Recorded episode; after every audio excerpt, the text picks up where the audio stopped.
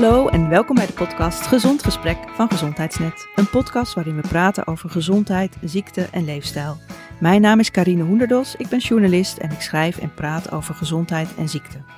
Gezond Gesprek is de podcast van gezondheidsnet.nl, de nummer 1 website in gezondheid van Nederland. Over elke podcastaflevering kun je een artikel teruglezen op de website. In deze aflevering praat ik met KNO-arts Nico de Vries. Het onderwerp van vandaag is slaapapneu, de aandoening waarbij tijdens je slaap regelmatig je adem stokt. Hoe kan dat? Wat zijn de gevolgen en wat is de behandeling? Dokter Nico de Vries gaat het ons vertellen. Welkom Nico, leuk dat je er bent. Heel leuk er te zijn. Ja. Nou Nico, je bent KNO-arts en je werkt in het OLVG hier in Amsterdam. Uh, kun je iets vertellen over je lange loopbaan uh, tot nu toe? Ja. Nou, ik werk inmiddels uh, zo'n 30 jaar in het, uh, in het OVG. Eerst werk ik in de VU. En in OVG ben ik geleidelijk aan steeds meer patiënten gaan zien met slaapapneu. De afgelopen decennia is die ziekte inderdaad wel wat vaker gaan voorkomen. Maar eerst wisten we eigenlijk niet dat het bestond. Of we wisten wel dat het bestond, maar het werd niet gediagnosticeerd. En pas sinds de zogenaamde slaapregistraties uh, ontstaan zijn, kunnen we meten wat er aan de hand is.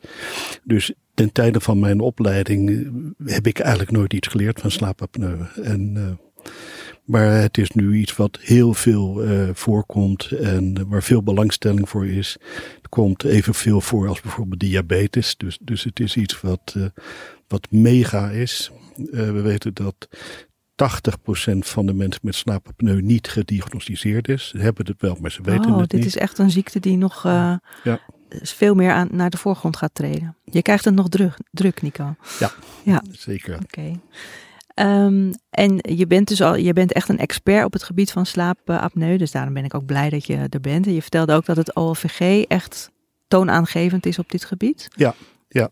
Nou, het OLVG is natuurlijk sowieso een heel groot uh, ziekenhuis. In, in, in patiëntenaantallen uh, is het, het grootste ziekenhuis van Nederland. Uh, oh. We zien meer patiënten dan VU en AMC samen, bijvoorbeeld. Natuurlijk is het niet allemaal hele complexe pathologie. Uh, maar voor een ziekte als slaapapneu is het, is het uh, ja, als onderzoeker eigenlijk een walhalla. Je, je ziet zo verschrikkelijk veel, veel mensen waar je uh, nieuwe onderzoeken en nieuwe behandelingen op, op kunt loslaten. Ja, testen, loslaten. dat, dat is heel mooi. Ja, ja. oké. Okay. Nou goed, het, het, woord is al heel vaak gevallen, slaapapneu, maar misschien is het goed om even uit dieper in te gaan. Wat is het nou eigenlijk? Een college. Nou, een college, ja. ja. Nou, uh, slaapapneu is een zogenaamde uh, slaapgebonden ademhalingsstoornis. Een hoop andere uh, ademhalingsziektes, astma, COPD, zijn 24-7 aanwezig. Maar dit gebeurt alleen tijdens de slaap, maar, maar wel met consequenties voor overdag. En ja, de simpele manier om het uit te leggen is denk ik dat een functie van de slaap is dat je ontspant, dat je uitrust. En dat kan ook gebeuren bij de spieren de bovenste luchtweg, de spieren die de bovenste luchtweg open houden. En als de ontspanning daar wat uh, enthousiast is, zeg maar, dan uh, kunnen de wanden van, van de bovenste luchtweg wat in training raken tijdens een uh, ademhalingsbeweging, dat is snurken. Het kan zijn dat er onvoldoende lucht langskomt, een zogenaamde hypopneu. Of een hele een totale ademstop, een apneu. Pneu en, betekent ademhaling? Uh, uh, lucht, ja, of stop van, van de ademhaling. Apneu, geen ademhaling. Ja. En hypopneu, verminderde ademhaling. En dan drukken we de ernst van slaapapneu eigenlijk uit in hoe vaak gaat dat nou mis, gemiddeld per uur slaap. En er is dan een index voor, de apneu-hypopneu-index, de AHI afgekort. Nou, tot vijf keer per uur een, een verminderde ademhaling of ademstop, dat vinden we uh, normaal. Vijf tot vijftien keer per uur is lichte apneu, 15 tot 30 matig en boven de 30 uh, ernstig. En, en, en, je zegt boven de 30, dus dat betekent dat het 30 keer per uur, per uur elke je ademhaling ja, ja, even ja. stopt en of stopt. Hoe lang stopt die dan? Nou, de, de, het moet minimaal 10 seconden uh, zijn. Dan, dan, uh, dan voldoen je aan die definitie. Er zijn ook mensen met hele lange ademstops, van, van, van, een, van een minuut tot anderhalve minuut. Maar meestal zijn ze korter. En natuurlijk bij die mensen met een hele hoge index zijn het allemaal uh, relatief kortere uh, stops. Want, want ja, anders, anders je ben je de hele uur ademloos. Ja, ja. ja. ja. En wat is het gevolg daarvan? Ik kan me voorstellen dat, het, dat dit stress oplevert voor je lichaam als je continu klopt, klopt. in ademnood Ja. bent. Ja, ik denk de beste manier om, om, om, ehm, om te begrijpen is. ehm, als je apneu hebt, dan rust je eigenlijk geen enkele eh, nacht lichamelijk en geestelijk zo goed uit als je eigenlijk zou moeten uitrusten. Dus eigenlijk alles wat jij zelf kan bedenken, eh, wat je zou kunnen gebeuren als je niet voldoende slaapt, gebeurt. Maar niet iedereen heeft alle symptomen. Ehm, het belangrijkste symptoom, eh, belangrijkste alarmsymptoom is snurken. Zo hard snurken en zo consequent dat de bedpartner zegt: zo gaat het niet langer. Dus slaapapneu zonder snurken komt ongeveer niet voor. Dat, dat is het allerbelangrijkste. Maar niet iedereen heeft een bedpartner. Uh, dan heb je dingen als uh, slaperigheid, niet goed uitgerust zijn. Maar ook uh, sneller geïrriteerd zijn. Een kort lontje is dan de term die vaak gebruikt wordt. Verminderd intellectueel functioneren, vergeetachtigheid. Uh, uh, bij mannen impotentie, dus erectiele dysfunctie, zoals dat dan, dan, dan, dan heet. Maar je, ziet mensen, vooral die wat ouder zijn, ja, die zijn niet meer zo fit als ze waren. En die denken dan vaak van ja, dat komt omdat ik wat ouder ben. Maar daar kan natuurlijk ook heel goed uh, slaapapneu achter zitten ochtendhoofdpijn, uh, dit soort dingen. Ja, maar, maar eigenlijk, de, eigenlijk best wel allemaal vage klachten. Vage klachten. En die ja. komen dan vooral door het slaapgebrek. Dus niet de apneu zelf die, ja, uh, klopt, klopt. die ja. klachten geeft, maar de, het... verminderde slaapkwaliteit. Ja. Nou ja, en dan heb je nog uh, gevolgen ervan. Uh, dus de kans dat jij cardiovasculaire dingen krijgt als hoge bloeddruk. Uh, hartinfarct, herseninfarct, dat is allemaal verhoogd. Er is zelfs een relatie met kanker, hoewel dat een, een, een relatief uh, risico is, zoals het, zoals het heet. Uh, je hebt uh, meer kans dat je overgewicht gaat krijgen. Dat is een hele interessante, want Enerzijds is het zo dat mensen met overgewicht vaker apneu hebben, maar andersom door slaapgebrek kan je zwaarder worden. Ja. En dat heeft te maken dat als je uh, onvoldoende goede slaap uh, uh, hebt, dan ben je natuurlijk net wat minder fit en heb je net wat minder zin aan, voldoende te bewegen. Maar een nog gemeenere is dat het, dat het ook invloed heeft op hormonen die met slaap te maken hebben. Dus je hebt het hongerhormoon ghreline en het hongeronderdrukkende hormoon leptine kan een beetje verstoord zijn. En dat, dat is de reden dat als je patiënten ziet met overgewicht en apneu, als je tegen zo'n patiënt zegt, het is eigenlijk heel eenvoudig. Je moet gewoon afvallen.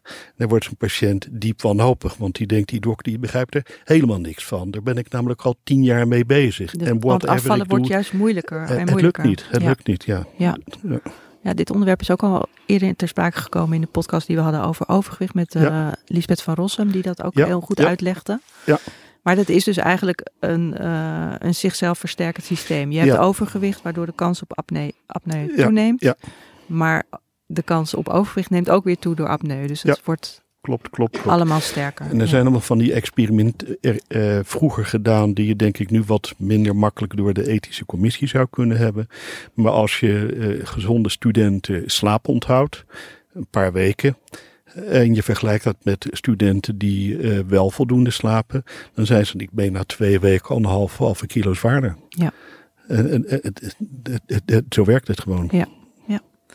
Nou, dat zijn behoorlijk wat klachten. En, en die kans op hart- en vaatziekten, wat je, wat je noemt over hoge bloeddruk en beroerte en hartinfarct, hoeveel groter is dat? Ja, die, die, die is heel moeilijk te bepalen. Uh, om, omdat uh, ja, je hebt erbij, de, zoals het heet, confounding factors. De, dus alles loopt een beetje door, me heen, door elkaar heen. Dus je hebt mensen die overgewicht hebben met apneu en al hoge bloeddruk. En diabetes, wat komt nou waardoor? Ja. Ik kan me ook voorstellen dat je minder gaat wegen als je, als je overdag heel ja. moe bent. Dus, ja. dat, je, ja. Dus, dus, dus, dat is een lastige. En um, er zijn eigenlijk een beetje twee stromingen in, in, in de, in de apneuwereld. De, de ene stroming zegt je moet slaapapneu behandelen. Of iemand nou veel klachten heeft of niet voor risicovermindering. Uh, en ik zit een beetje op die lijn. Ik, ik vind dat gewoon common sense. Dat, dat, dat, dat, dat kan niet goed zijn. En er is nu ook een groep die zegt van ja, die evidence dat dat zo is, uh, dat is toch ook weer niet heel erg uh, robuust. Uh, dus stel nou dat je een patiënt hebt die uh, relatief weinig klachten of geen klachten heeft en bij een slaaponderzoek is er toevallig uitgekomen apneu, maar die man die zegt ik ben helemaal niet moe, moet je dat wel behandelen. Nou, dat, dus dat zijn twee totaal tegengestelde kampen. Op slaapcongressen heb je vaak ook van die discussies pro en con voor de ASIM. Slaande ruzies of uh, valt dat wel mee? Nou, die heb ik niet meegemaakt, maar dat kunnen wel felle discussies ja, zijn. Um, de, dus dat, dat is nu een nieuwe stroming. Als iemand niet veel klachten heeft, dan hoeven we dat niet te behandelen. En, en, en die, daar heb ik het lastig mee. Want ik, kijk, als, je, als jij een hoog uh, cholesterol hebt of je hebt een hoge bloeddruk, dan heb je er ook geen last van. Ja. Maar het is niet goed. En ik denk dat die evidence dat het met apneu zo is, uh, ook zo is. Maar dan hangt het natuurlijk er ook vanaf, ja, is het lichte, matige of ernstige apneu en hoe oud is iemand. Dus, uh, en en die, die index die gaat in de loop van het leven bij iedereen geleidelijk aan wat omhoog. Dus iemand met zo'n AHI van, laten we zeggen, 12 uh, eh, van 20, dan nemen we een stuk serieuzer dan als je 72 uh, ja. bent. Dan denk je, ja, ach, zo erg zal het nou ook weer niet zijn. Nee, oké, nou interessant. Maar dit, dit komt misschien ook omdat, er, omdat het eigenlijk een relatief nieuwe aandoening is, zoals je al klopt, zei in de klopt, inleiding. ja. ja. Um, dus er moet waarschijnlijk ook nog veel onderzoek uh, ja, naar komen. Ja, ja. Je, je, je, ziet dat dit in de opleidingen relatief weinig uh, uh, naar voren komt. Je, je ziet ook dat ehm, bijvoorbeeld in Nederland de academische ziekenhuizen dit niet zien als iets wat voor hun heel interessant is. Hm. En we zien het ook bij nascholing aan, aan, aan huisartsen. De, niet onaardig bedoeld, maar vaak merk je dat het daar ook toch niet zo ontzettend leeft. Of als, als we aan huisartsen nascholing geven, je vraagt van hoeveel eh, eh, patiënten met slaapapneu denk jij in je praktijk te hebben. Nou, ik weet er al uh, snel drie of vier dat je denkt, je hebt er veel meer. Je ja. hebt er honderden. Ja. En en, en dus, dus die awareness, die, die, die, kan, nog, die, die kan nog groter. Ja dat kan ook wel een beetje onrust geven bij jou. Dat je, dat je denkt van er zijn zoveel mensen die hebben die diagnose nog niet, maar die lopen wel risico ja. en hebben klachten. Ja. Uh, ga ze vinden mensen. Ja, nou ja, de, de, in, in, de tijd dat ik ermee bezig uh, ben, in, in de loop der jaren, hebben we gewoon elk jaar de hoeveelheid uh, patiënten die naar ons verwezen worden zien, zien, zien, zien toenemen. En ehm, je ziet nu zelfs dat verzekeraars een beetje op de rem gaan staan. Van ja, als we zo doorgaan, heeft binnenkort iedereen apneu. Dat kunnen we toch niet allemaal meer vergoeden. En misschien komt daar ook die, die, die gedachte vandaan. Van, van is dat nou eigenlijk allemaal wel zo erg? Uh, uh, moet dat allemaal wel behandeld worden? Ja. Moeten we iemand die wel een verhoogde index heeft, maar relatief weinig, weinig klachten, moet, moet die nou behandeld worden? Ja, maar dat is dan meer een kostenkwestie. Klopt, ja. Dan, uh... Ja, ook weer een kostenkwestie op kortere termijn in plaats van langere termijn. Ja, ja. Laten we het even hebben over de, over de behandeling, want we weten nu wat het is. Ja. Uh, wat kun je eraan doen? Ja, de, de, uh, nou, Nederland is waarschijnlijk het land uh, waar van de hele wereld waar de meeste verschillende soorten behandeling van apneu vergoed wordt als de argumenten goed zijn. En, en dat is iets wat wel echt heel, heel goed is. Uh, nou, de standaard behandeling. Nee, laten we beginnen met, met uh, leefstijl. Dus inderdaad, als jij te zwaar bent, zou je moeten proberen af te vallen. Lukt vaak niet altijd. Nee. Lukt, lukt, lukt, niet altijd, lukt vaak niet. Uh, als het te maken heeft met s s'avonds veel alcohol drinken, dan zou je dat niet moeten doen. Uh, roken is eigenlijk bij slaapapneu niet zo belangrijk. Dus roken is voor alles slecht. Voor de gordijnen en andere dingen. Maar voor apneu maakt het niet zo gek veel uit. Ehm, een hele belangrijke is rugligging. dus ehm, vooral bij, bij lichte beginnende apneu uh, heeft meer dan de helft van de mensen minstens twee keer zoveel uh, events, apneus en hypopneus per uur als die op je rug ligt dan op de zij. Dus dat is een belangrijke. En, Kun je dat afleren? Ja, daar, daar, gaan we zo dadelijk misschien nog even wat verder over, over, over, eh, over, praten. Maar even de dingen die je zelf kan proberen te doen.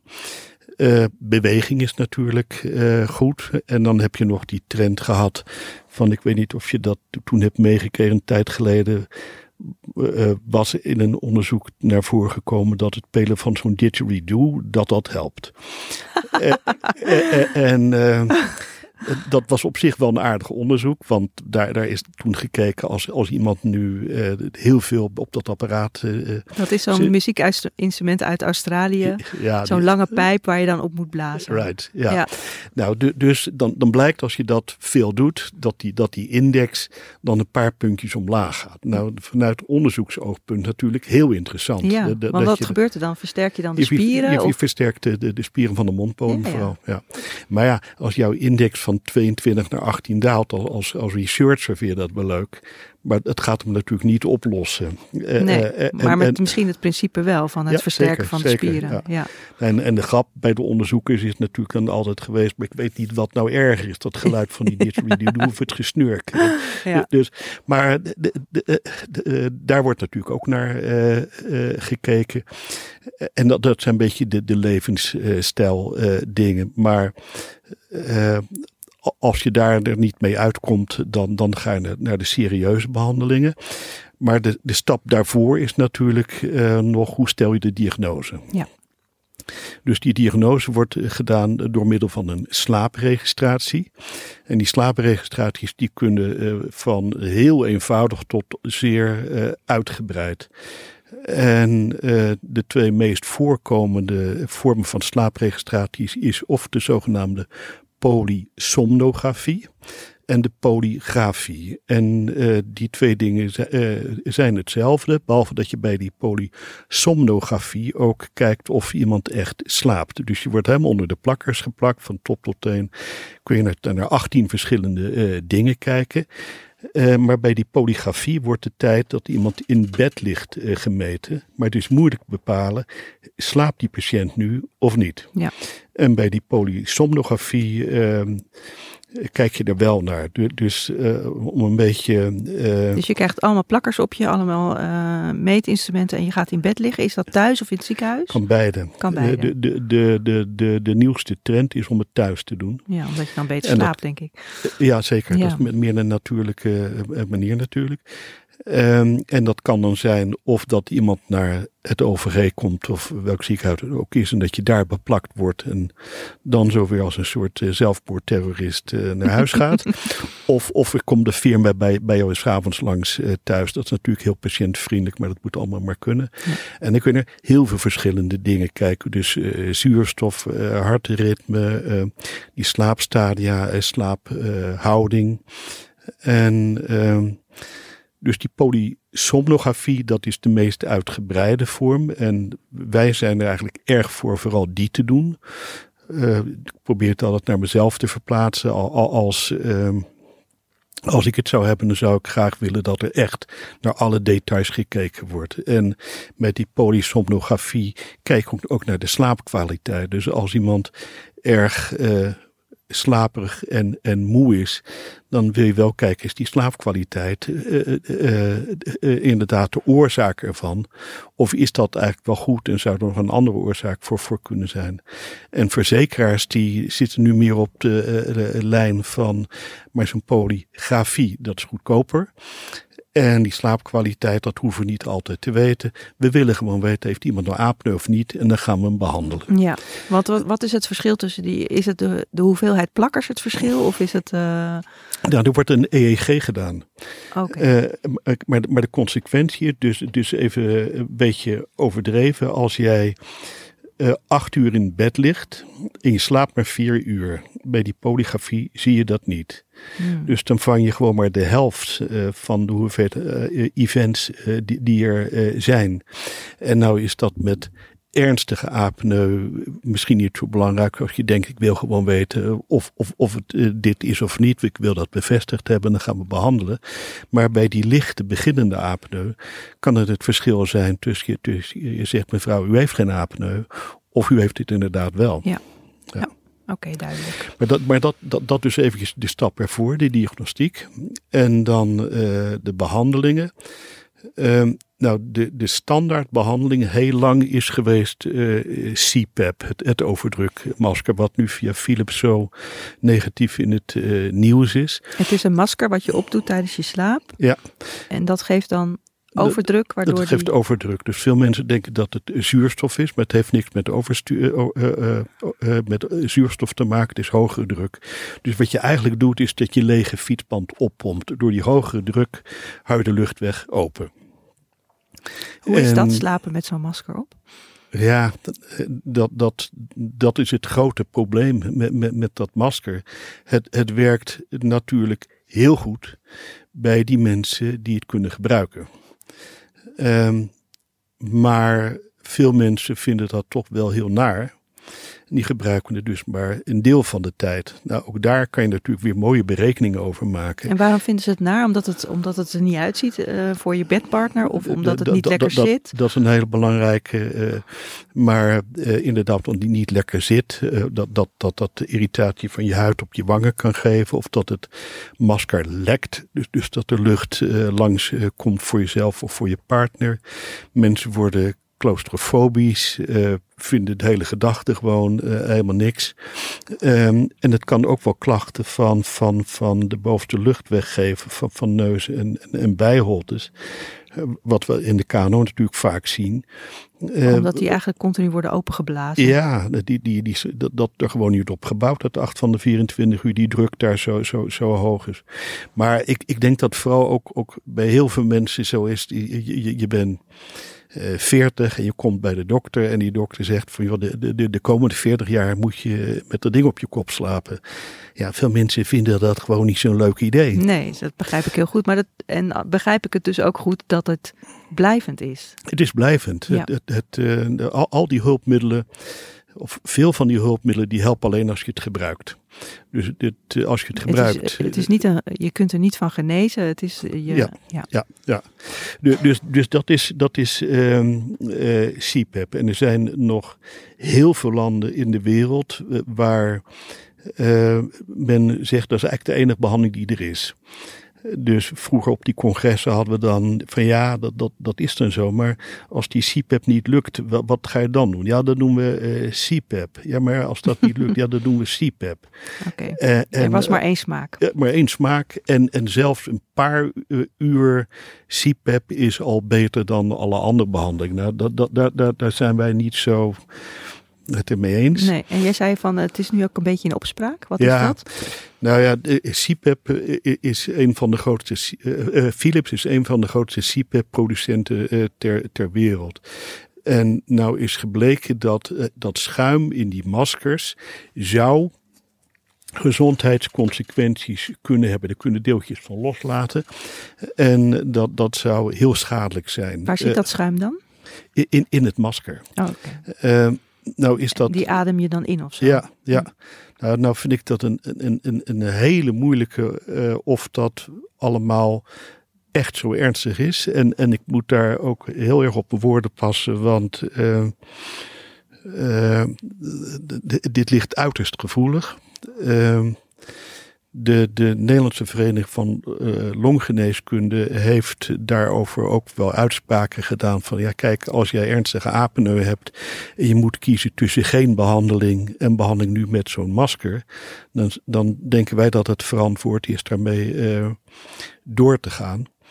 Uh, maar vooral in Amerika, door, door die FDA, wordt er heel kritisch uh, naar gekeken. Het is, het is een soort ramp voor Philips uh, dat, dat ze zo onder vuur liggen. En ehm, ja, Philips is ook niet, laten we zeggen, de, de tabaksindustrie. Hè? zo ligt het ook niet. Maar, maar dat, dat, dat is dus een, een, iets wat op dit moment, uh, op dit moment speelt. Ja, oké. Maar jij zegt er zijn in Nederland veel meer mogelijkheden om, ja, uh, om ja. Uh, dus, dus, te behandelen. Dus de tweede behandeling die heel veel gebeurt is uh, met een beugeltje, een zogenaamd MRA. Er zijn heel veel verschillende soorten MRA's, maar de, de, de werking is bij uh, al die MRA's eigenlijk hetzelfde. Uh, de onderkaak wordt wat verder naar voren gehouden tijdens de slaap dan, dan de bovenkaak. Is dat een beugel die je alleen in je slaap Die je alleen in je slaap doet.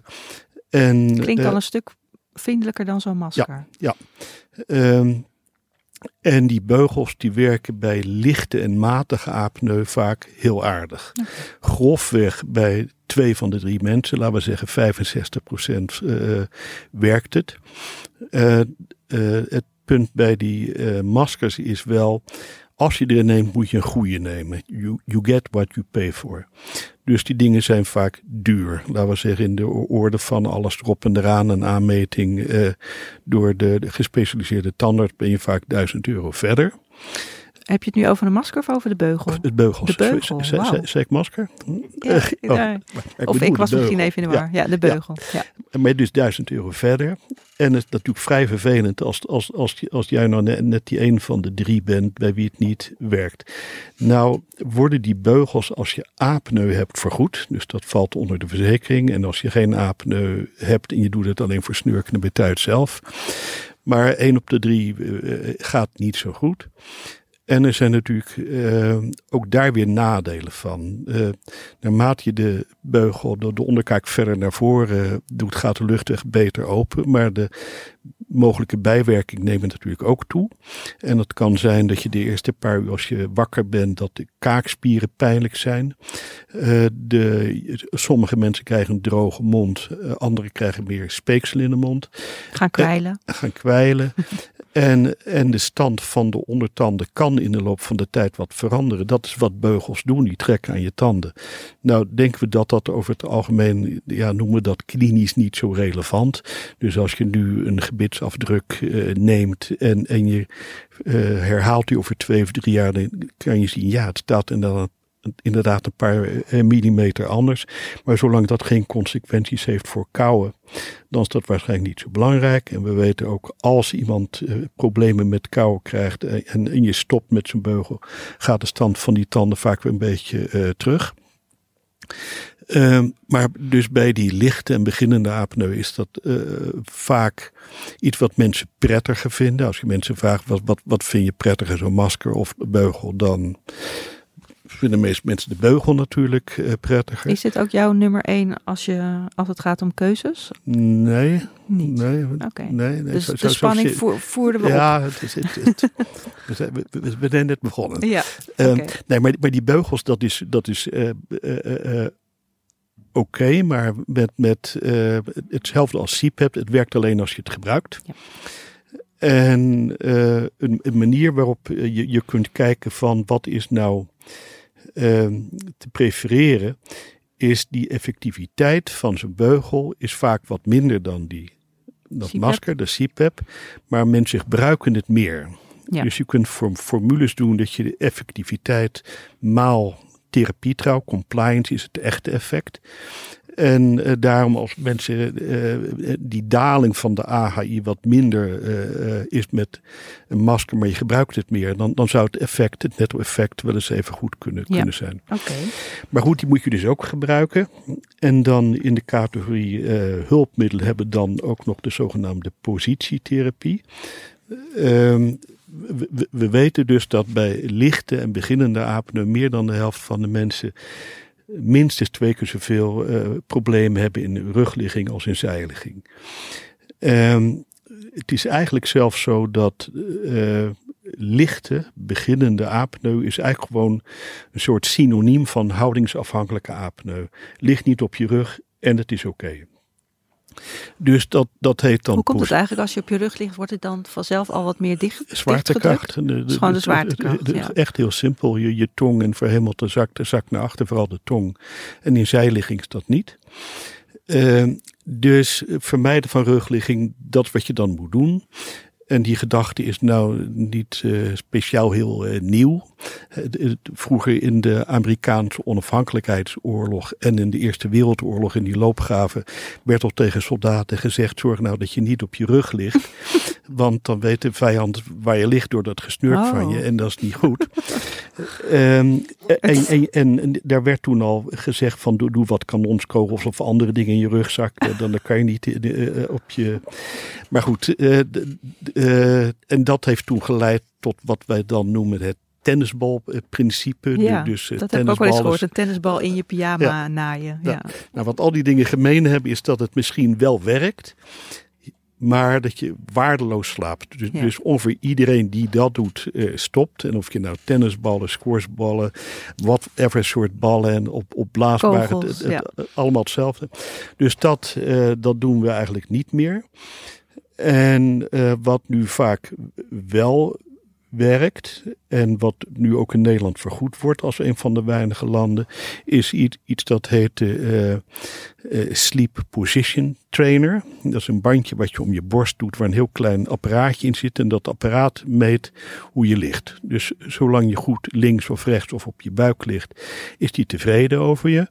Maar als je een diepe slaap naar je rug draait en dat niet in de gaten hebt omdat je diep slaapt, uh, merkt hij dat wel. En dan geeft hij een hele lichte, subtiele trilling, die zo subtiel is bedoeld dat je er in je slaap op reageert, maar niet wakker, wordt. Nou, en, en dat is uh, bij die lichte beginnende apneu vaak heel mooi. En dat is de enige behandeling, als u het vergelijkt met het masker en, en beugels, waarbij sommige patiënten inderdaad een zekere training uh, is. Dus een deel van de mensen moet ermee doorgaan, dat als ze niet doen, doen draait weer naar hun rug. En andere mensen die, die leren de, die, die rugligging, uh, rugligging af. Hoe weet je dat? Dan, dan... Dat, dat apparaat dat, dat meet de, de hele nacht. Oh, en, je zet hem uh, En die, die gegevens krijgen jullie, dus jullie kunnen zien die persoon ja, draait zich nooit bij meer. bij de patiënt uh, ook. En dus je kunt ook. elke ochtend kijk je op dat display van dat dingetje. Oké, okay, hoeveel procent rugligging heb ik nou nog? Uh, en is het zo dat die hoeveel correcties die ik per nacht nodig heb, neemt dat af. Ja, dus kun je, dat is iets wat je echt kunt afleren. Ja, ja. ja. nou ja, lang niet iedereen, maar de, de, als, als dat lukt is het natuurlijk heel mooi. Nou ja, en dan heb je natuurlijk nog combinatiebehandelingen. Dus uh, iemand die echt niet uh, kan slapen met een masker uh, en bij wie het bijvoorbeeld met een beugel al heel veel beter gaat, maar nog niet zo goed als je eigenlijk zou willen, kun je dan kijken, doe nog die positietherapie erbij en dan uh, zijn we een heel eind. Ja, oké. Heb je nog meer smaken in de aanbieding? Ja. Um, wat, wat wij als KNO na, natuurlijk doen is um, uh, operaties. En uh, dat is natuurlijk een hele andere benadering. Um, als je opereert en je kunt de obstructie uh, opheffen en je hoeft de rest van je leven er niks meer aan te doen, is dat natuurlijk allemaal heel mooi. Dan spreken we over genezing. Dan spreken we over genezing. Ja. En uh, de, de term is natuurlijk eigenlijk obstructieve slaapapneu, obstructie van de bovenste luchtweg. Dus als kanoarts wil je kijken waar zit dat en wat kan je eraan doen. Nou, als je die uh, richting opgaat, doen we altijd eerst een zogenaamde slaapendoscopie. Dan worden mensen eh, kunstmatig met een infusie met een slaapmiddel in slaap gebracht. Men slaapt dan een kwartier en op dat moment gaan wij met een endoscoopje via de neus naar binnen om te kijken waar zit het. En dan beoordelen we het, uh, ja, zogenaamde... Waar zit, het, waar zit de blokkade? Waar, waar het zit, ja. ja. Dus beoordelen het collabeerbare gedeelte van, van de luchtweg. Wat is dat? Uh, nou, de, de neus waar je eerst doorheen gaat, uh, dat is tussen het, in wakkere en slapende toestand hetzelfde. Dus, dus een vergrote neusschelp of, of, een, of een recht tussenschot staat niet ineens scheef als je slaapt. Dat, dat is constant.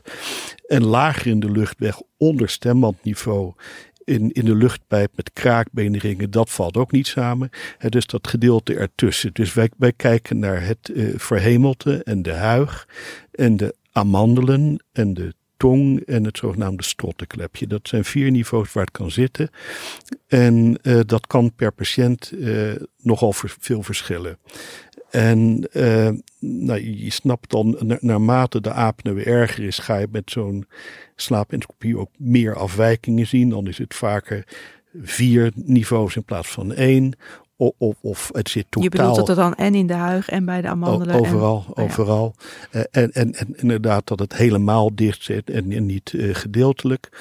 En dan hangt het er ook weer vanaf wat is de richting van, van, van de obstructie. Dus iets wat van voor naar achter samenvalt, bijvoorbeeld de tong die naar achter zakt, dat is weer wat eenvoudiger dan als het een ja, zogenaamde circulaire uh, obstructie is. Dus, dus een, uh, zeg maar een, kringspierachtige obstructie dat van alle kanten komt. Uh, dat is lastiger operatief.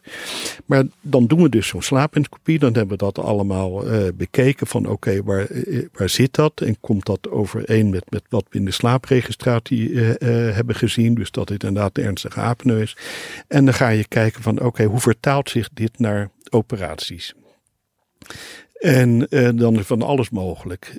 Dus heel simpel kan zijn als iemand gewoon echt hele grote amandelen hebt. Ja, wij noemen dat dan kissing tonsils. Dat het in, in dat de middellijn. kussen. Ja, kussen okay. dat tegen elkaar aan zit.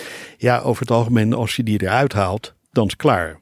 Dan ben je, hoef je niet de rest van je leven aan, aan, aan een masker of iets.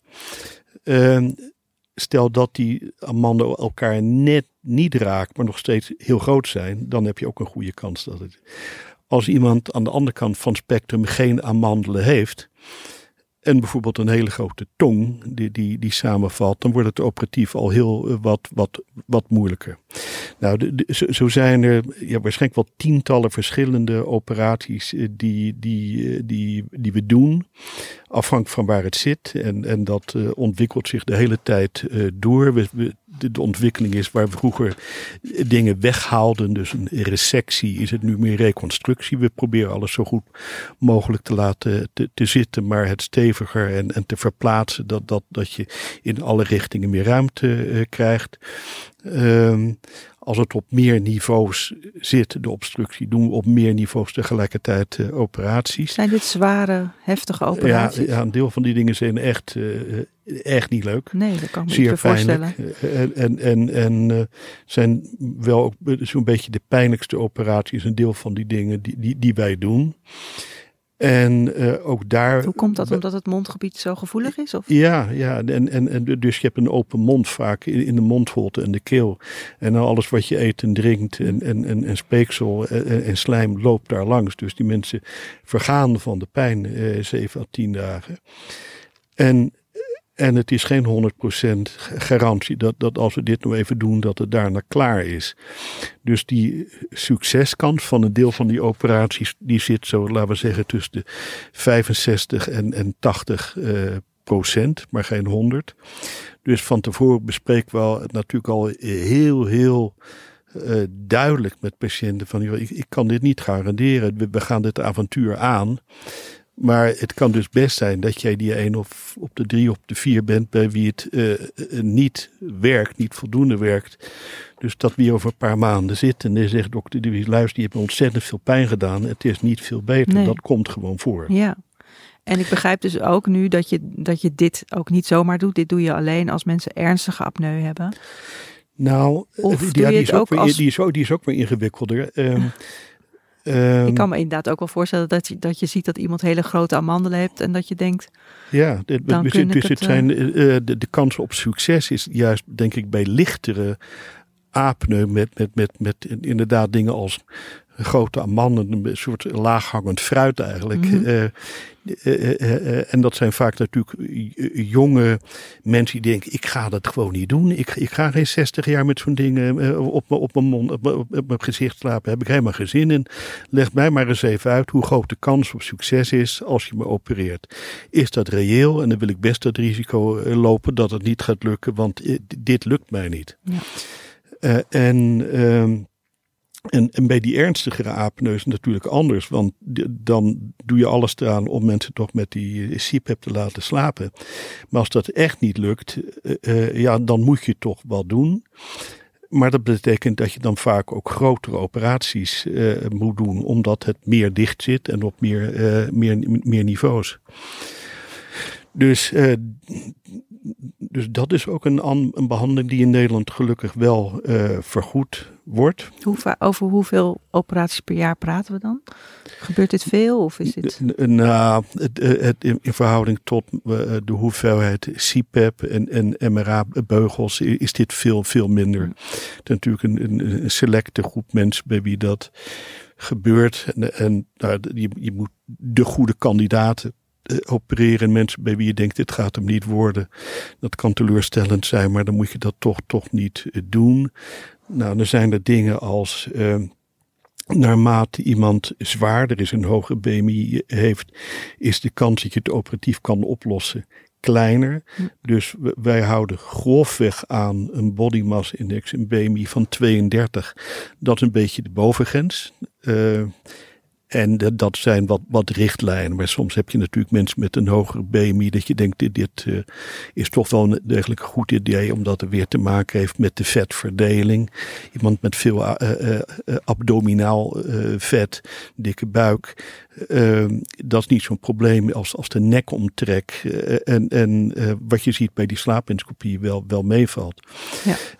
maar, maar dus zwaardere mensen en doe je het vaak niet. Wat je ook heel vaak bij die mensen ziet, is dat ze een hele grote tong hebben. Je zou zeggen, de tong dat is spier. Dat hebben we ook heel lang gedacht. Maar uit uh, latere MRI-onderzoeken is gebleken dat er ook een heleboel vet in de tong uh, ja? zit. Ja, dat, dat, dat kan je met die MRI's mooi, mooi zien. Is, dus, iemand... is het zo dat mensen met overgewicht ook een dikkere tong krijgen? Vaak wel. Oh, vaak, vaak wel. Ja. En, en, en, uh, maar dat is operatief wel lastig, want ja. wat, wil, wat wil je daaraan doen? Doe je dat wel eens, een tongoperatie? Uh, dat uh, wordt wel gedaan. van de tong. Ja, nou weet je, als, als, als, jij, als jij een goed idee hebt om, om, om, om, dat, om, de, om het vet uit de tong te verwijderen, uh, dan moet je daar een patentje op aanvragen. Dan gaan we heel rijk worden. Ja. Dan gaan we heel rijk worden. Ja. Uh, en dus daar wordt wel aan, aan, aan gewerkt, maar, maar dat is natuurlijk niet één grote brok vet die daar zit. Nee. Dat zit helemaal door die spier heen. Uh, diffuus. Uh, daar wordt dan in de wereld natuurlijk wel over nagedacht. Dus op wat voor manier zou je daar iets aan kunnen ja. doen?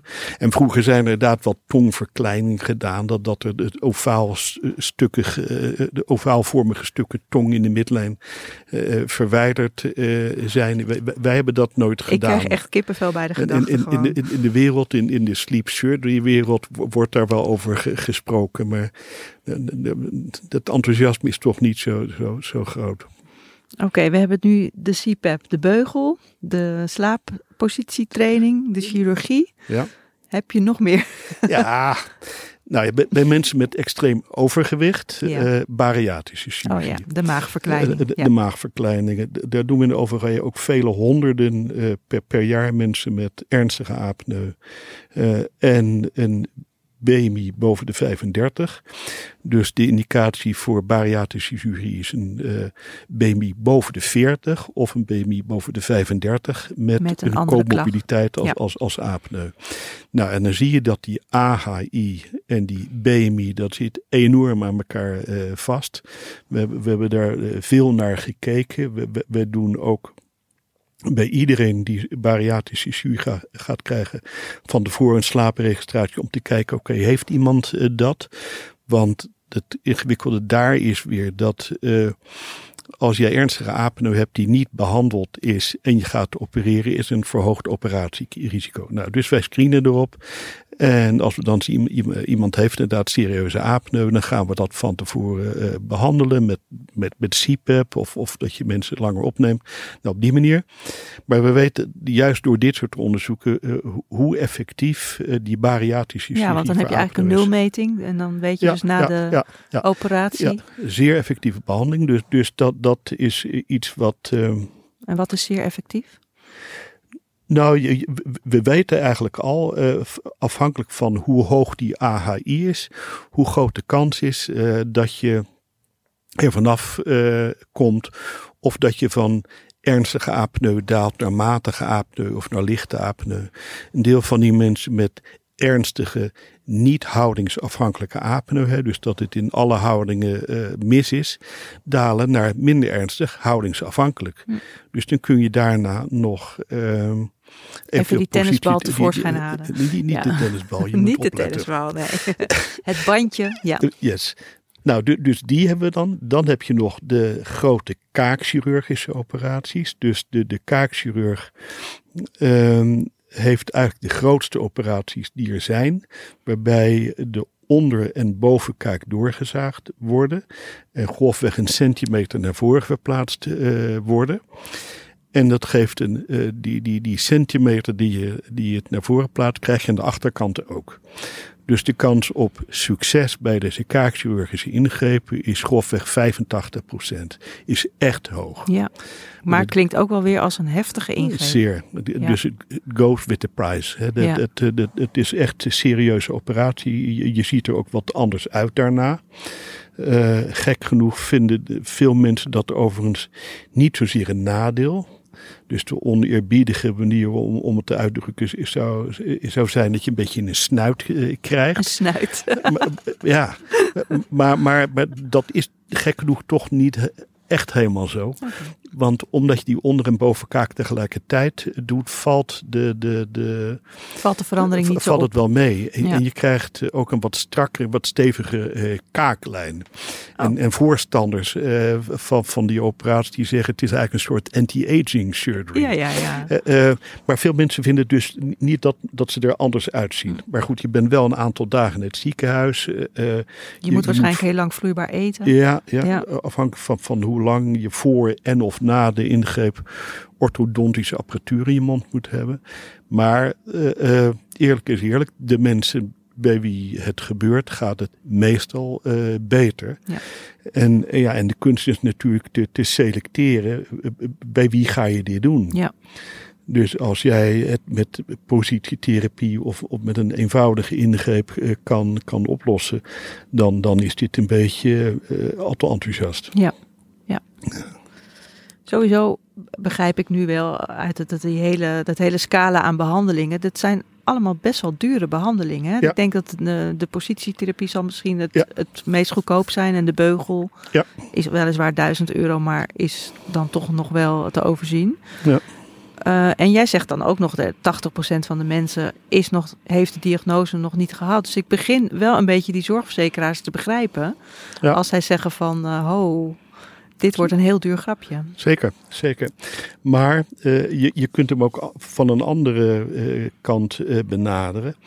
Ehm, we zijn het er geleidelijk aan wel over eens dat, dat voor een goede lichamelijke en geestelijke gezondheid zijn er, zijn drie dingen belangrijk. Voeding, bewegen en goede slaap.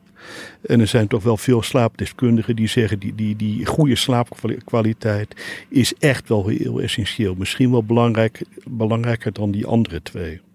Dus op die manier kan je zeggen, ja, als jij mensen gezond uh, weet te houden door, door te zorgen dat die slaapkwaliteit optimaal is.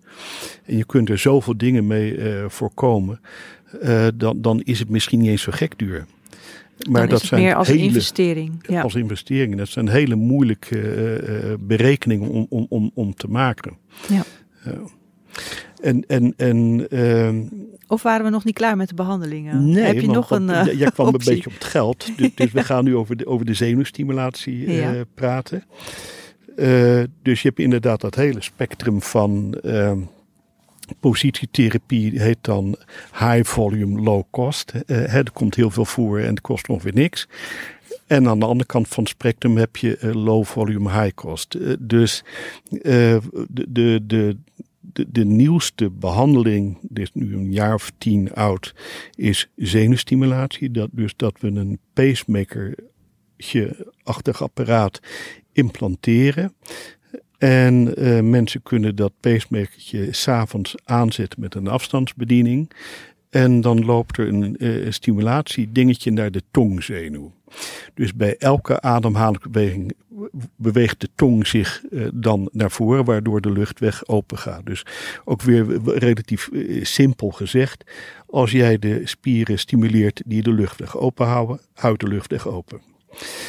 Uh, nou, er zijn twee uh, ziekenhuizen in, in, Nederland waar het gebeurt. Wij en, en een ander ziekenhuis.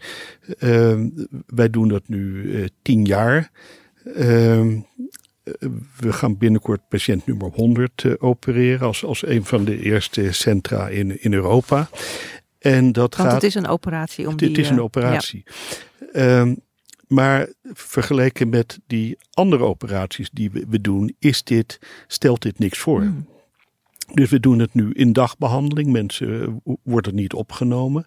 Mensen kunnen dezelfde dag naar huis. Ze, ze kunnen gelijk, geen wekenlang pijn. Ze, ze, kunnen gelijk alles eten en drinken, want er zit geen, geen wond aan, aan, aan, aan de binnenkant.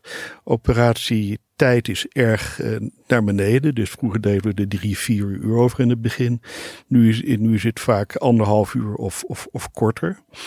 Uh, nou, dan gaan mensen naar huis. We laten die wond uh, een, een, de eerste maand genezen. Dan komen de mensen terug.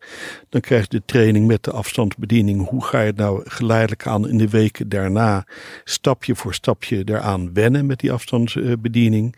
Nou, dan krijgen ze voor een maand de tijd. Uh, dus geleidelijk aan eens in de zoveel nachten doen ze een stapje omhoog. Tot ze uiteindelijk op een niveau komen dat ze zeggen, nou, dit is een beetje uh, onprettig. Ik denk dat ik hier wakker van zou worden. Dan gaan ze wat gebeurt er dan? Je, je, je voelt een soort prikkeling in je tong? Nee, je, je tong gaat naar voren. Oh, en dat maar, voel je. Ja, je voelt ja, die beweging. Ja, maar de tongzenuw is dus een, een motorische, het is een bewegingszenuw. Uh, het heeft niks met, met, met pijn te maken. te maken. Dus de tong gaat gewoon naar voren, alleen tijdens inademing. En het gaat weer uit tijdens uitademing. Maar daar moet je wel aan wennen. Dat, daar, dat voel je, je moet aan wennen. Ja. Maar het, het lollig is natuurlijk dat met die slaapregistraties. Uh, die, die eerste keer uh, dat we dat. Uh, dat we dat meten, zit, zit er een slaaplaborant in de kamer daarnaast en die kijkt hoe het gaat. En je ziet, mensen worden daar niet wakker van. Mm. de, de, slaapkwaliteit wordt beter in plaats van, van, van, van slechter. En je kunt ook zien, ja, als we hem nu nog hoger zetten, dan, dan worden mensen een beetje onrustig. Blijkbaar is dit onprettig.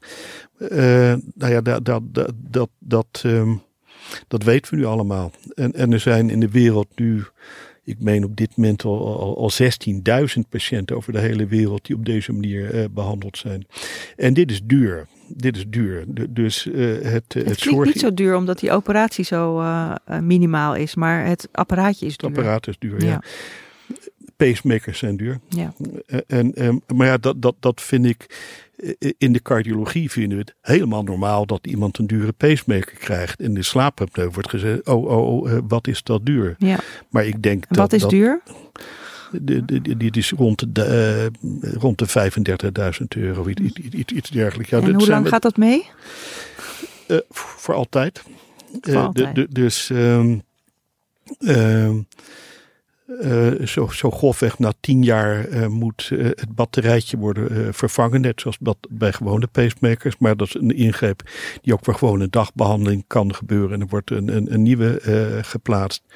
Maar ook, ook daarover kun je natuurlijk allemaal berekening maken. Ja, is dat nou zo duur? Ja. Als je hiermee voorkomt dat, dat iemand vroegtijdig in een verpleeghuis komt met, met, een, uh, met een CVA. De, als, als dit betekent dat iemand gewoon kan, kan blijven uh, werken. Dat die, nou, um, dat de kans op verkeersongelukken afneemt. Lastig, maar, maar misschien is het helemaal niet zo duur. Nee, nee. en dit is wel een relatief patiëntvriendelijke methode. Ja, ja, ja. Dit, dit, is uh, absoluut, uh, nou inderdaad, dus vergeleken met de sleep surgery die we anders doen, is dit ongelooflijk veel patiëntvriendelijker. De kans op succes is, is veel uh, groter. De kans op blijvende complicaties ervan is, is miniem. Dus die mensen die ervoor in een aanmerking komen, daar gaat het heel vaak heel erg goed. Ja. Maar daar, daar zijn dus strenge criteria voor. Uh, en um, daar, daar moet men wel aan voldoen. Dus um, stel dat iemand erg houdingsafhankelijk is, dan gaan we dit niet doen. Nee. Want dat kunnen we met positietherapie oplossen. Stel dat iemand veel centrale apneu heeft, dus dat, dat, dat uh, niet alle prikkels vanuit het ademhalingscentrum uh, opgevolgd worden. Dan is maar de vraag of, of dit nou een uh, handig, goed idee is. Want hoe weet je dat die component dan uh, verbetert? En werkt dit ook alleen bij mensen bij wie die obstructie dus echt vooral in die tong zit? Ja, een hele goede vraag. Dat dachten we vroeger wel. Ehm, later is gebleken dat ehm, mensen met obstructie op meer niveaus, dus ook op het niveau van verhemelte, het ook goed doen. En nog later is gebleken dat er ook mensen zijn met alleen obstructie op verhemelte niveau, niet zozeer de tong, dat die het ook goed doen. Hmm. Dus, dus al die dingen zijn aan het uh, veranderen. En uh, we dachten eerst van de bovengrens qua BMI uh, moet 32 zijn. Als iemand te zwaar is, dan gaat het hem niet worden. Later is gebleken dat je ook met mensen met een BMI tot 35 even goede resultaten hebt, zolang je maar niet bij die slaapendoscopie uh, ziet dat, dat, er andere dingen ongunstig uh, zijn. Um, de, het onderzoek wat, wat, wat we ooit in het begin hebben gedaan, wat, toen in ja, New England Journal of Medicine, dat is dan het, beste blad wat Zeer is op toonaangevend, ja. ja. Daar hebben we toen over gepubliceerd en toen hadden we hele strikte criteria. Die AHI moest tussen de 20 en 50 zijn. Uh, we weten nu dat, dat uh, mensen met een AHI boven de 50, die doen het ook goed. Hm. En wat wij nou al tien jaar lang uh, meegemaakt hebben, is dat patiënten komen uit het hele land naar ons. Uh, die van hopen, dit werkt niet, dat werkt niet. Ik wil die zenuwstimulatie, dan doe ik me die slaapregistratie. En dan blijkt die index bijvoorbeeld 50,5 te zijn. Nou, dat, dan was er zo'n commissie landelijk onafhankelijk die zei hoog, net te hoog. Ja. En dat is de mensen niet uit te leggen. Nee, van, van, maar ik heb toch eigenlijk dan een nog ernstigere ziekte. Waarom werkt dit bij mij niet? Waarom mag het niet? En het ergens werkt dus wel. En we hebben nou net twee weken geleden uh, uh, gepubliceerd over een uh, groep van bijna 2000 patiënten uit een, uit een, een wereldwijde registry, waarin we een onderverdeling hebben gemaakt naar verschillende maten van ernst. AHI, onder de 15, 15, 30, 30, 50. Die 50, allemaal zo'n operatie hebben Die allemaal zo'n uh, operatie hebben gehad. En dan blijkt dat zelfs in die mensen met veel ernstigere uh, apneu, met een index boven de 50 en zelfs boven 65, die dalen bijna allemaal ongeveer naar, de, naar dezelfde index. Dus eigenlijk is die relatieve daling bij die mensen met, met, met, uh, met de allerernstigste apneu is nog veel meer. Ja. Dat, dat, is heel indrukwekkend. Ja. Ik voel een beetje uit, uit, uit dit verhaal dat dit jouw lievelings... Of dit, dit misschien de behandeling van de toekomst is. Ja, bij, bij die mensen bij, bij, bij, bij, wie het, bij, bij, het, bij wie het werkt. Dan nogmaals, weet je, die, die, die, die, die hele obese uh, mensen. Daar, daar, daar, daar, daar, daar heb je kan een natuurlijk maagverkleining waarschijnlijk maagverkleiningen. Uh, mensen die niet geopereerd willen worden. Ja, wie, wie ben ik om te zeggen dat moet? Als iemand zich totaal helemaal vrede heeft met, met, met CPAP slapen en, en zich ochtends goed uitgerust voelt. Uh, vooral doen. Ja. Ja. Maar voor die mensen bij wie dat allemaal niet werkt, uh, ja, hier zijn er tegenwoordig dingen die echt heel goed zijn. En, en kijk, een volgend iets wat wij nou, nou moeten gaan proberen te, uh, te bespreken met het Zorginstituut is, moeten we die AHI van 50 of uh, moeten we die niet verlaten als mensen, wat al die andere dingen wel voldoen aan van dit zou een goede kandidaat Ja. zijn, moeten we dat niet gaan doen? Ja, ja. Oké, nou het is duidelijk, er zijn gelukkig heel veel opties om het uh, te veranderen. Waar ik dan nog nieuwsgierig naar ben, um, heeft het zin om vroeg in te grijpen? Kun je daarmee problemen voorkomen? Ja, super vraag. Ja, en, dat, dat, dat gevoelsmatig, uh, uh, volmondig ja. Bewijzen lastig. Uh, dus, dus de gevoelsmatige is inderdaad, iemand heeft lichte beginnende apneu, positie afhankelijk. Waarom zullen we wachten met behandeling tot die hoge bloeddruk heeft? Ja. En waarom ja, begin je dan niet als iemand 30 is of 35 of 40 niet alvast met die positietherapie? Want, want dan kun je het ook eventueel genezen? Is dat ook het idee als je er vroeg bij bent? Weten we niet. We weten maar niet. maar uh, kijk, als je het maar lang genoeg uitstelt, dan is het ook wel goed. ja. Du- dus dat zijn onderzoeken die, die eigenlijk wel gedaan zou, zouden moeten zijn, eh, zouden moeten gebeuren. Sorry. Ja. En dat is natuurlijk een beetje in tegenspraak met wat verzekeraars nu zeggen van nou ja, eh, we, laten we nou niet de ingewikkelde diagnostiek doen, want, want dan vangen we wel heel veel slaapapneu en daar wordt het duur van. Maar andersom zou je kunnen zeggen, als we die lichte apneu op tijd eh, gedetecteerd hebben en dan met patiëntvriendelijke, goedkope behandelingen er iets aan doen, waarschijnlijk doen we dan wel wat, wat nuttigs. Oké. Stel nou dat mensen luisteren naar dit gesprek en denken van, nou, mijn partner die snurkt best wel behoorlijk. Of ik Ja. word eigenlijk altijd wel heel moe wakker. Of ik heb overdag, ben Ja. ik hartstikke duf. Ja. Kortom, ze denken, wow, misschien is er wel bij mij dit aan de hand. Wat moeten ze dan doen? naar de huisarts. eh, eh, en eh, dan eh, eh, gaat de huisarts deze mensen verwijzen naar een ziekenhuis waar slaapregistraties gebeuren. Dat gebeurt overal. En eh, ja, ja, hoe, hoe moet ik dat aardig zeggen? Je, je moet wel, natuurlijk dan wel naar een eh, plaats toe waar. eh, Je moet eigenlijk naar het OLVG, maar niet iedereen zit dicht bij Amsterdam. Ja, Nou, nee, nee, maar kijk, eh, er zijn nog steeds wel ouderwetse behandelaren die zeggen, het is eigenlijk maar één behandeling. eh CPAP. Ja. Nou, dat, dat, dat, dat is natuurlijk niet zo. En er zijn natuurlijk, eh, ehm, ja, ik overdrijf het allemaal een beetje, maar om het aan te geven, je moet wel eh, naar iemand eh, die ik kan uitleggen, er zijn heel veel verschillende soorten behandeling. Ja. Eh, En eh, het is niet eh, one size fits all. En er zit maar één ding en dat is wat, wat je moet doen. Waar we het nu natuurlijk al de hele tijd over hebben.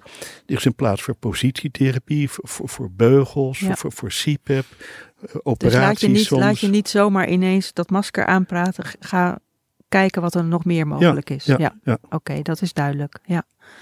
En ehm, dan nog de laatste vraag. Wat, hoe zie je de toekomst? Want eh, ja, al die mensen die nog niet zijn eh, gediagnosticeerd of, al- of de behandeling die steeds beter wordt. Misschien gaat die, eh, eh, die behandeling met die zenuwstimulator wel goedkoper worden. Of, Ja. Nou, de- de- er zijn heel veel ontwikkelingen in, in allemaal bedrijven die bezig zijn met ehm, eenvoudigere, goedkopere vormen van screening.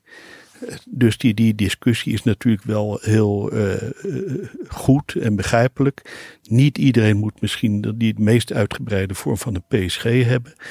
Kun, je met, met, met, met je Fitbit en, en andere wearables, kan je niet al eh, mensen eruit filteren van de, de kans dat hier echte apneu aanwezig is. Die moeten we eh, gaan insturen voor een verdere Oh, slaapregistratie. dat is wel interessant. Hoe zou je aan je Fitbit, want veel mensen hebben zo'n Fitbit, kunnen zien, oh, misschien heb ik wel apneu.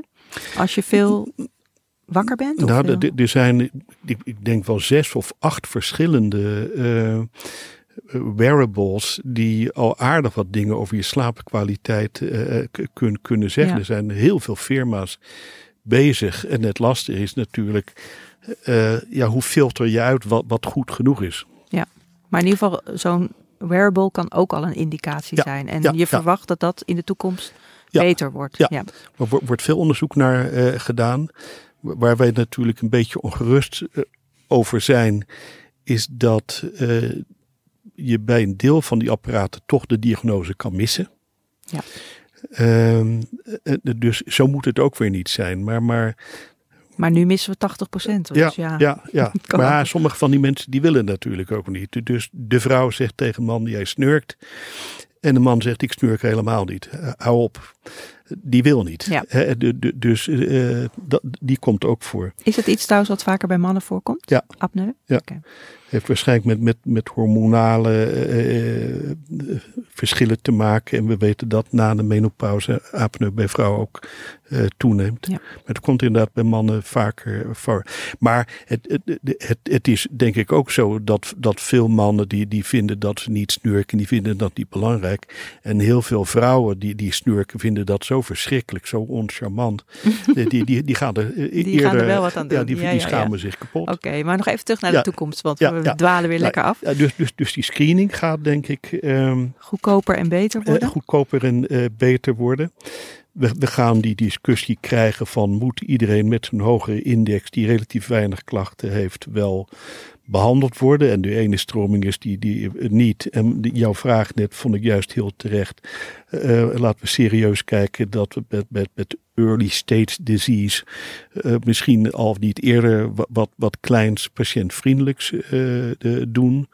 Alles met leefstijl van meer bewegen en zo is, is in dit gebeuren ook van belang. En, en ik hoop maar dat we op uh, uh, termijn die verschillende soorten behandeling die we in Nederland hebben, dat dat allemaal zo blijft. Want, want het is helemaal niet zo. want daar is Nederland uniek in. Ja, ja, ja we, positietherapie hebben we, die zenuwstimulatie wordt, wordt hier vergoed. Heel veel landen om, heen, om, om, om ons heen niet. Of, of, of, of ook die, um, ja, die sleep surgery, die dingen die, die wij doen, wordt ook lang niet overal gedaan. Uh, want er zijn natuurlijk ook allerlei landen zeggen die ja, het moet echt evidence-based uh, zijn. Uh, toon maar eens aan dat die operatie zo ontzettend goed is. En, en dat, dat is allemaal ontzettend lastig om daar gerandomiseerde studies te doen, juist omdat er zoveel verschillende ingrepen zijn. Ja, ja. oké. nou, er valt nog veel te onderzoeken en er valt nog veel te doen. Dankjewel voor deze hele mooie en duidelijke uiteenzetting. Heel graag gedaan. Um, je luisterde naar Gezond Gesprek, een podcast van Gezondheidsnet. De gast van vandaag was Nico de Vries. Deze podcast werd gepresenteerd door Carine Hoenderdos met producer Jonne Serize. De Yearlings maakte voor ons de tune. Wil je meer weten over dit onderwerp? Kijk zeker op gezondheidsnet.nl. En als je wil reageren, dat kan, dat vinden we heel erg leuk. Je kunt reageren via Vriend van de Show. Gewoon een high five geven, een opmerking achterlaten of een extra vraag aan de gast stellen. Alles kan. Vriend worden van Gezond Gesprek kan ook al voor 1,50 per maand. Kijk op vriendvandeshow.nl en zoek naar Gezond Gesprek. We zijn verder heel blij als je deze podcast deelt, bijvoorbeeld onder je vrienden of via social media. Dan kunnen meer mensen onze podcast vinden. Tot de volgende keer, tot het volgende Gezond Gesprek.